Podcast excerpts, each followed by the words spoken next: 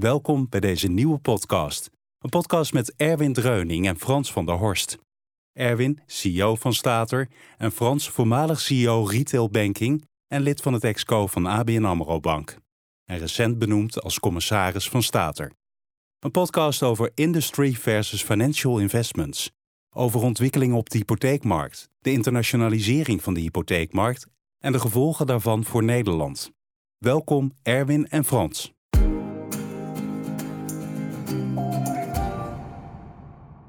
Ik heb begrepen dat jullie al lange tijd elkaar kennen en samengaan.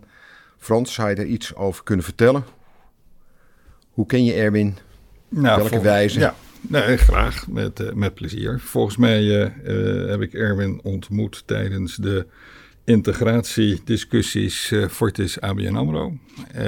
en zeker toen we na de nationalisatie en de staatssituatie die ontstond in de kredietcrisis... ABN AMRO Nieuwe Stijl gingen heropbouwen.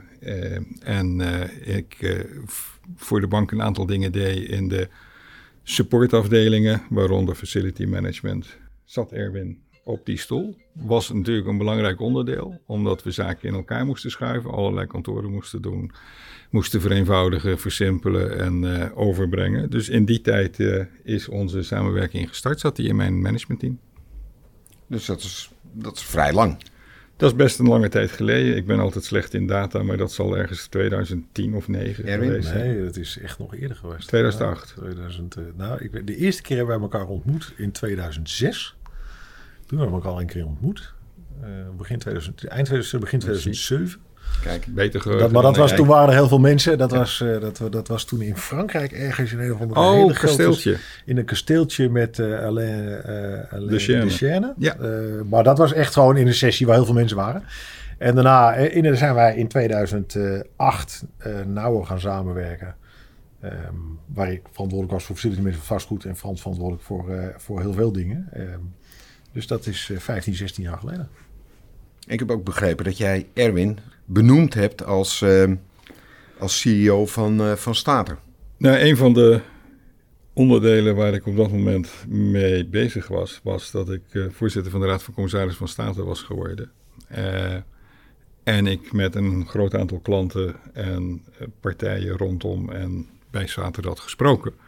En ik in ieder geval het idee had dat er op dat moment nood was aan een wat andere cultuur, een wat andere ja, aansturing van Stater. En eh, Erwin al een poosje in de hoek van het FM zat, maar ook een aantal dingen in de daarvoorgaande, voorafgaande periodes heeft gedaan, waarvan ik in ieder geval vond dat dat mogelijkerwijs best eens een goede fit zou kunnen zijn om Stater in een wat ander vaarwater te krijgen. En ik toen gevraagd heb of hij daarvoor interesse zou hebben. En uiteindelijk is het uh, de aandeelhouder ABN AMRO die op die voordracht de benoeming heeft gedaan. En uh, zo zijn wij nog wat uh, na de FM-periode ook hier best wel op intensieve wijze samen bezig geweest. Dat is een vooruitziende blik geweest. ja, misschien. Maar en wat ik waren ben er niet Wat waren je overwegingen in de tijd? Ehm, het, ik vond dat we meer een uh, wat back-to-basic uh, mentaliteit zouden moeten neerzetten in dit bedrijf. Beter luisteren naar klanten. Uh, wat scherper aan de wind zien te varen. En ik vond er een sfeerbeeld dat dat toch wat grootser was. En wat luxer en wat afstandelijker naar klanten toe. wat ik echt wel wilde proberen te doorbreken om ook groei weer erin te krijgen, uh, maar ook de interne huishouding een beetje toch meer te stroomlijnen dan dat ik aantrof. En ik dacht, wetende wat hij bij FM gedaan heeft en uh, hoeveel in die integratieperiode daar gebeurd is en hoe dat gegaan is, dat zou best eens een goede fit kunnen zijn. Ook kijkend naar de dingen die hij voor FM gedaan heeft. En kwam dat als een verrassing voor jou, Erwin? In de tijd? Uh, nou, nee, dat, dat, nou ja, verrassing. Kijk, dat dat, uh, kijk, nee zeggen klinkt alsof dat, uh, alsof het allemaal, nee. Kijk, Frans en ik hadden wel vaker gesprekken dat ik al vrij lange tijd FM deed. Dat, dat, dat ik, nou, en daar heeft Frans echt een hoop bijgedragen en hulp ingeboden en gegeven. Uh, de mooie stap met FM gezet had. Dus ik had wel zoiets. Uh, facility management vastgoed is klaar. Hè? Dat die organisatie was geïntegreerd, die was fors kleiner geworden. We gezamenlijk enorme resultaten financieel behaald. Dus voor mij was het het moment om te zeggen, joh, ik, ik wil een keer iets, iets, iets anders. En ik werkte enorm fijn met Frans samen. Dus in de hoek van Frans had mijn nadrukkelijke voorkeur. het, het, was niet zo dat Staten zeg maar even, zeg maar even op een soort wishlist al stond van nou weet je dat ehm, maar wel dat we de gesprekken over voerden eh, van joh, wat what's next? En, en nou ja, toen is dit eh, op het pad gekomen. En dit doe je nu elf jaar? Ja, elf jaar. Gefeliciteerd. Ja, dankjewel. Ja. Dat had jij nooit voorzien op het moment dat je dat voorstelde? Uh, nou ja, je kijkt natuurlijk nooit zo ver naar de toekomst. Uh, en het is ook altijd een kwestie van past de persoon nog steeds bij het bedrijf en het bedrijf weer de persoon. Dus ik ben niet ongelukkig dat dat uh, soms ook leidt tot een zekere mate van continuïteit. Ja, ja. zeker. Ja. zeker. Nou ja, in dat kader staat, bestaat natuurlijk dit jaar 25 jaar. Ehm wat we dan altijd vragen is, kun je iets over jezelf vertellen waar jij toen stond en waar jij toen mee bezig was en wat jij aan het doen was? En dat is 1997 spreken we dan. Eh, dat is een hele, ja, ik ben heel slecht in dat soort geheugendingen. In 92 ben ik uh, de Algemene Bank Nederland gaan verlaten, waar ik toen een jaar of acht werkte. En uh, voor Fortis eh, VSB gaan werken. En volgens mij zat ik in 97 in Brussel in het Global, Global Operations Management Team van Fortis. Uh, en had toen het overzicht op de Nederlandse activiteiten en wereldwijd op een aantal mm, standaard kredietprocessen. En wereldwijd was toen in een stuk of acht, negen landen waar we retailactiviteiten hadden. Dat was geen ABN toen op dat moment? Nee. En waar zat jij, eh, Erwin, toen? 1997, uh, toen zat ik nog bij een... Uh, ja, dat heette formeel een valutemakelaar, maar ik was toen... Uh, ik, ik, werkte toen bij een beursbedrijf... intermediair grote klanten in valutarisico's afdekken. In 1997. En in 98 ben ik begonnen bij Mees Pierson, wat toen net onderdeel was geworden van het VSB AMF Fortis Concern. Oké. Dus die carrières hebben wel langs elkaar heen, laat ik maar zeggen, gelopen. Tot ergens, wat zei je, Erwin, 2000, 2007 zo ongeveer, dat jullie elkaar voor het Ja, 2007 was, uh, ja, was de witte samenwerking, uh, die was ook echt heel intensief. Ja. En toen 2011 hè, werd, werd, werd Erwin benoemd. Welk, welk bedrijf trof jij hier toen aan? Je gaf natuurlijk al aan dat er wat meer back to basics moest. En kun je een vergelijking treffen hè, met betrekking tot het bedrijf wat je nu ziet, wat er nu staat. Hè, na nou, 11 jaar Erwin. Ik denk dat het, uh, ik, wat ik nu zie, nu ik ook weer wat uh, intensiever en één of twee dagen met mensen spreek hier. Uh, het is een bedrijf wat je zou kunnen zeggen is leniger is krachtiger, is bewegelijker, staat dichter bij zijn klant uh, en uh, is toch een stuk verder in, uh, in professionalisering ook weer. Dus dat, ik kijk daar wel met, met een hele positieve blik naar. Want hoe groot was Stater toen? Poeh. En? groot in de problemen. Ja. Uh, geactiveerde software waar op de balans grote issues mee waren. Veel klantenclaims. Uh, klantrelaties die wat onder druk stonden, uh, als ik het netjes formuleer. En dan zie ik nu toch een veel schoner bedrijf. Met, nou, we hebben volgens mij net een paar van onze klanten ook weer in de prijzen gezet met hun mid-office activiteiten. Ja. dat was toen niet aan de orde. Ken je dat, Erwin? Ja, helemaal. Kijk, ehm, ik ben in 2011 begonnen en... Uh, nou ja, de, de, dingen die Frans schetst, dat was exact uh, waar we de eerste maanden mee geconfronteerd werden. En ook mee aan de gang moesten. Ja, vroeg hoe groot waren we? Waren we even uit mijn hoofd iets van een man of 600, 700, denk ik, toen in Nederland. En toen hebben we ook echt wel een reorganisatie moeten doorvoeren. Ehm, dus ja, ik herken wel wat, wat, wat Frans schetst als, uh, als wat we toen tegenkwamen. En wat je alleen altijd wel ziet, is dat. Um, en dat is ook logisch, hè, dat, dat, dat als commissaris heb je een toezichthoudende rol. Hè, dus je, hebt, je, weet, je weet veel vanuit, vanuit de helikopterview. Ja, en als je dan iemand echt op de grond krijgt die zeg maar even overal alle laadjes open doet en, uh, en in alle kasten kijkt. Ja, dan wordt datgene wat je eigenlijk al weet, ja, weet je, dat wordt niet alleen bevestigd, maar dan krijg je ook pas de volle omvang daarvan uh, zichtbaar. En, en en bijvoorbeeld hè, die, die activering waarvan het over had van die software, dat was echt, hè, dat, dat is nu één zin, maar dat was echt een mega probleem in 2012. Waar, waar, um, ja, waar, waar, waar toen dat bekend werd, ik denk Frans en ik, het eerste, allereerste jaar samen met, met Sander Pleij, gewoon enorm aan, aan moeten werken. En waar Frans zijn steun waanzinnig belangrijk is geweest om dat goed achter de rekken te krijgen. Net als die relaties met klanten.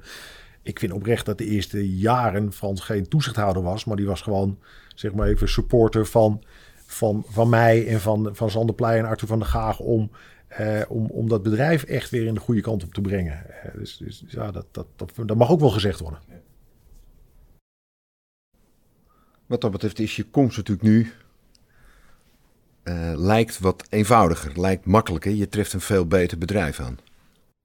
Ja, dat is denk ik uh, een terechte constatering voor nu. Hoewel het ook weer een belangrijk moment is. Want het is nu ook wel daar in de nieuwe samenstelling met Infosys als strategische aandeelhouder om nu ook echt die groei in die niet alleen Nederlandse markt, maar ook vorm te geven en, en door te stoten naar wat je in, uh, ingewikkeld kan zeggen, die utility voor, voor hypotheken. En uh, ik zou dat ook wel heel mooi vinden om daar nog een bijdrage aan te kunnen leveren.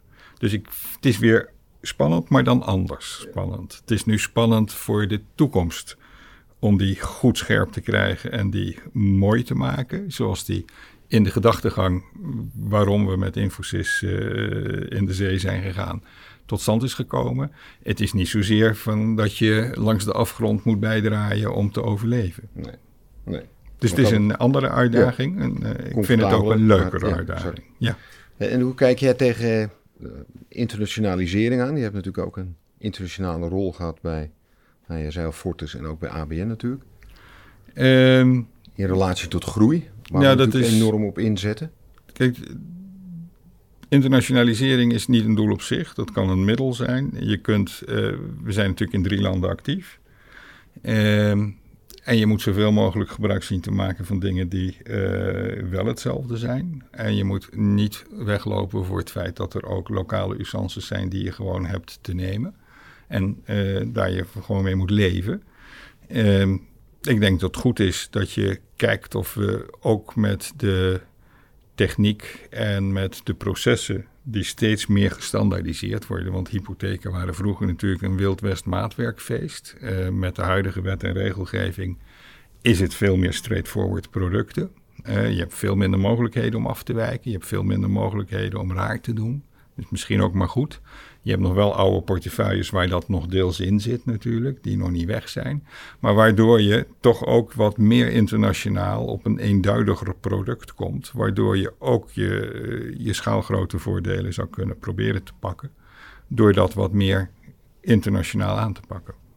Ja, we zien het in Duitsland bijvoorbeeld, hè, dat mensen daar toch digitaler worden. Hoe zie jij dat, Erwin? De, de, die, die uniformisering nou ja, kijk, wat, wat, ik, wat ik al op meerdere plekken heb, gezegd en ook her en der opgeschreven. Kijk, ik, ik geloof dat wij naar een pan-Europese hypotheekmarkt aan het bewegen zijn. En die komt voort uit technologische ontwikkelingen, uit veranderend consumentengedrag en uit wet en regelgeving die meer en meer centraal bepaald wordt.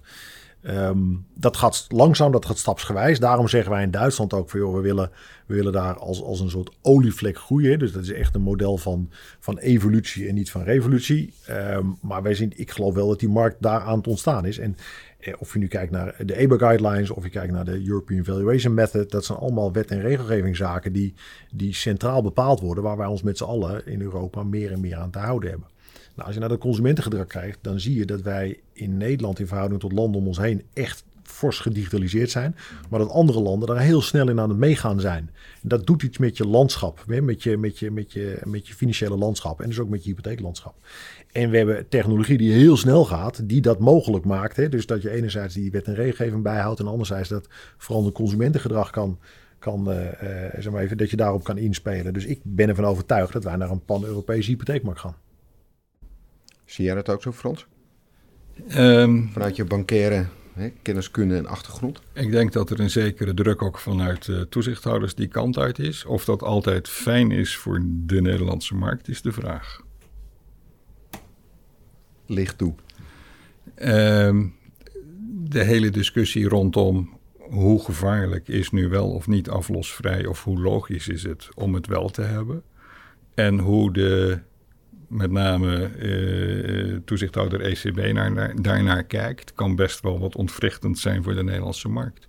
Terwijl ik denk dat alle onderzoeken en ook de situatie bij de verschillende Nederlandse hypotheekverstrekkers aantonen dat de, eh, de aflosvrij situatie zoals we die nu gecreëerd hebben, eigenlijk een heel laag risico-element in zich draagt.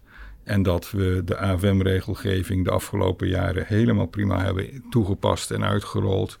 Dat er ook heel veel gedaan is aan het benaderen van klanten met potentiële risico's. Dat daar ook aanpassingen op gedaan zijn. En dat betekent dat uh, we toch een van de landen zijn als uitzondering met een aflosvrij element in het product nagenoeg nooit 100%, maar vaak een leningdeel in het totaal. Wat toch tot groot onbegrip bij, uh, bij toezichthouders uh, leidt, omdat het in andere landen onbestaanbaar is. En daar is het huis voor een deel je pensioen. Dus dat moet je afgelost hebben tegen die tijd. Je moet niet met een uh, restschuld blijven zitten. Moet je nooit, maar ook niet als je het huis een keer verkoopt. Je hebt een andere pensioensituatie, veel minder gesecureerde pensioeninkomsten dan in dit land. Ondanks we af en toe klagen over pensioenen en pensioenfondsen. Maar dat is wel waar. Dus dat maakt het af en toe ook wel lastig dat je die tendens hebt naar één set van regels die voor allen hetzelfde moeten zijn. Eh, waarbij de Duitse situatie is, je moet geld meebrengen voor je eerste huis kan kopen. Beginnen wij ook naartoe te neigen als je kijkt naar de leennormen. Maar ook het feit dat je na je 60ste, 65ste geen lening meer moet hebben is in landen om ons heen veel gebruikelijker dan bij ons. Maar wij zien ook niet, eh, althans ook niet toen ik eh, ABN de hypotheekportefeuille onder mijn hoede had, problemen daarmee. Als je op een beheerste manier met aflosvrij omgaat. Maar je wordt wel gedwongen af en toe een bepaalde richting in te gaan waarvan je zegt, ja, onze huizenmarkt is al niet makkelijk. Hij wordt er niet makkelijker door.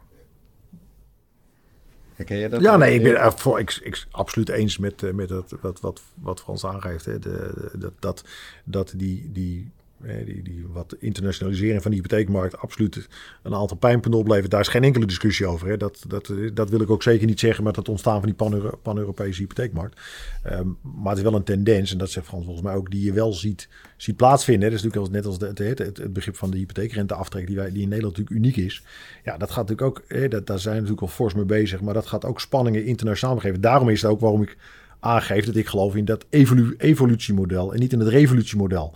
En dat is ook zoals wij onszelf als staten gepositioneerd hebben. Dus maar ik volledig eens dat, dat er een aantal dingen eh, in de, in, de, in de situatie zitten die het voor Nederland, maar ook in andere landen zie ik dat, hè, uh, uh, niet makkelijker maken. In België zijn ruim een jaar geleden wat, wat, wat wijzigingen geweest die ook richting Europese wijzigingen gaan, die ook pijn doen op de Belgische hypotheekmarkt. En dus dat, dat herken ik volledig.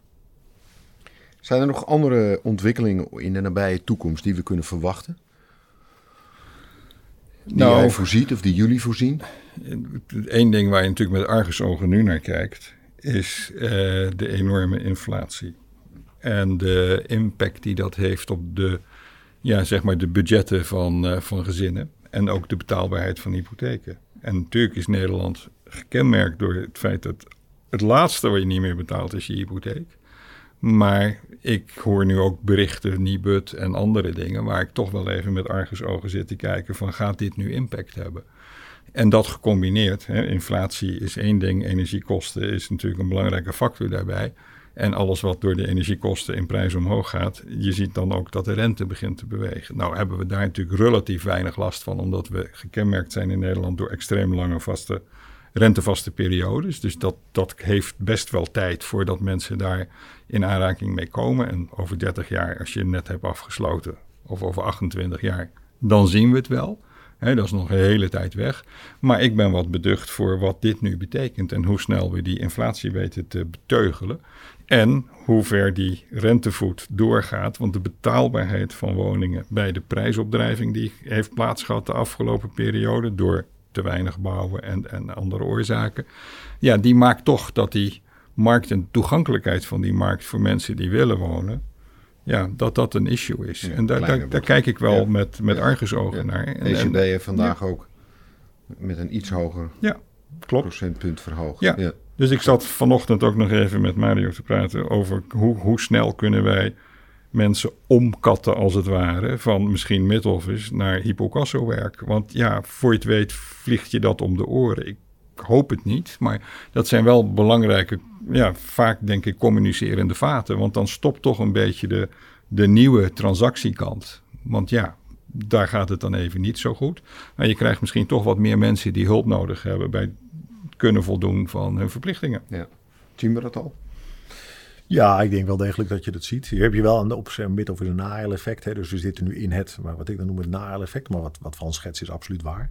En ik vind ook dat je als bedrijf, maar even dat je daar ook wat, wat, wat, uh, wat vanuit de helikopter naar moet kijken. Hè. Tuurlijk, hè, je moet kijken naar, naar, naar je flexibiliteit als bedrijf. En je moet kunnen switchen van mid-office naar Hipocasso. Hè, of, of minder, uh, om de nieuwe naam te gebruiken.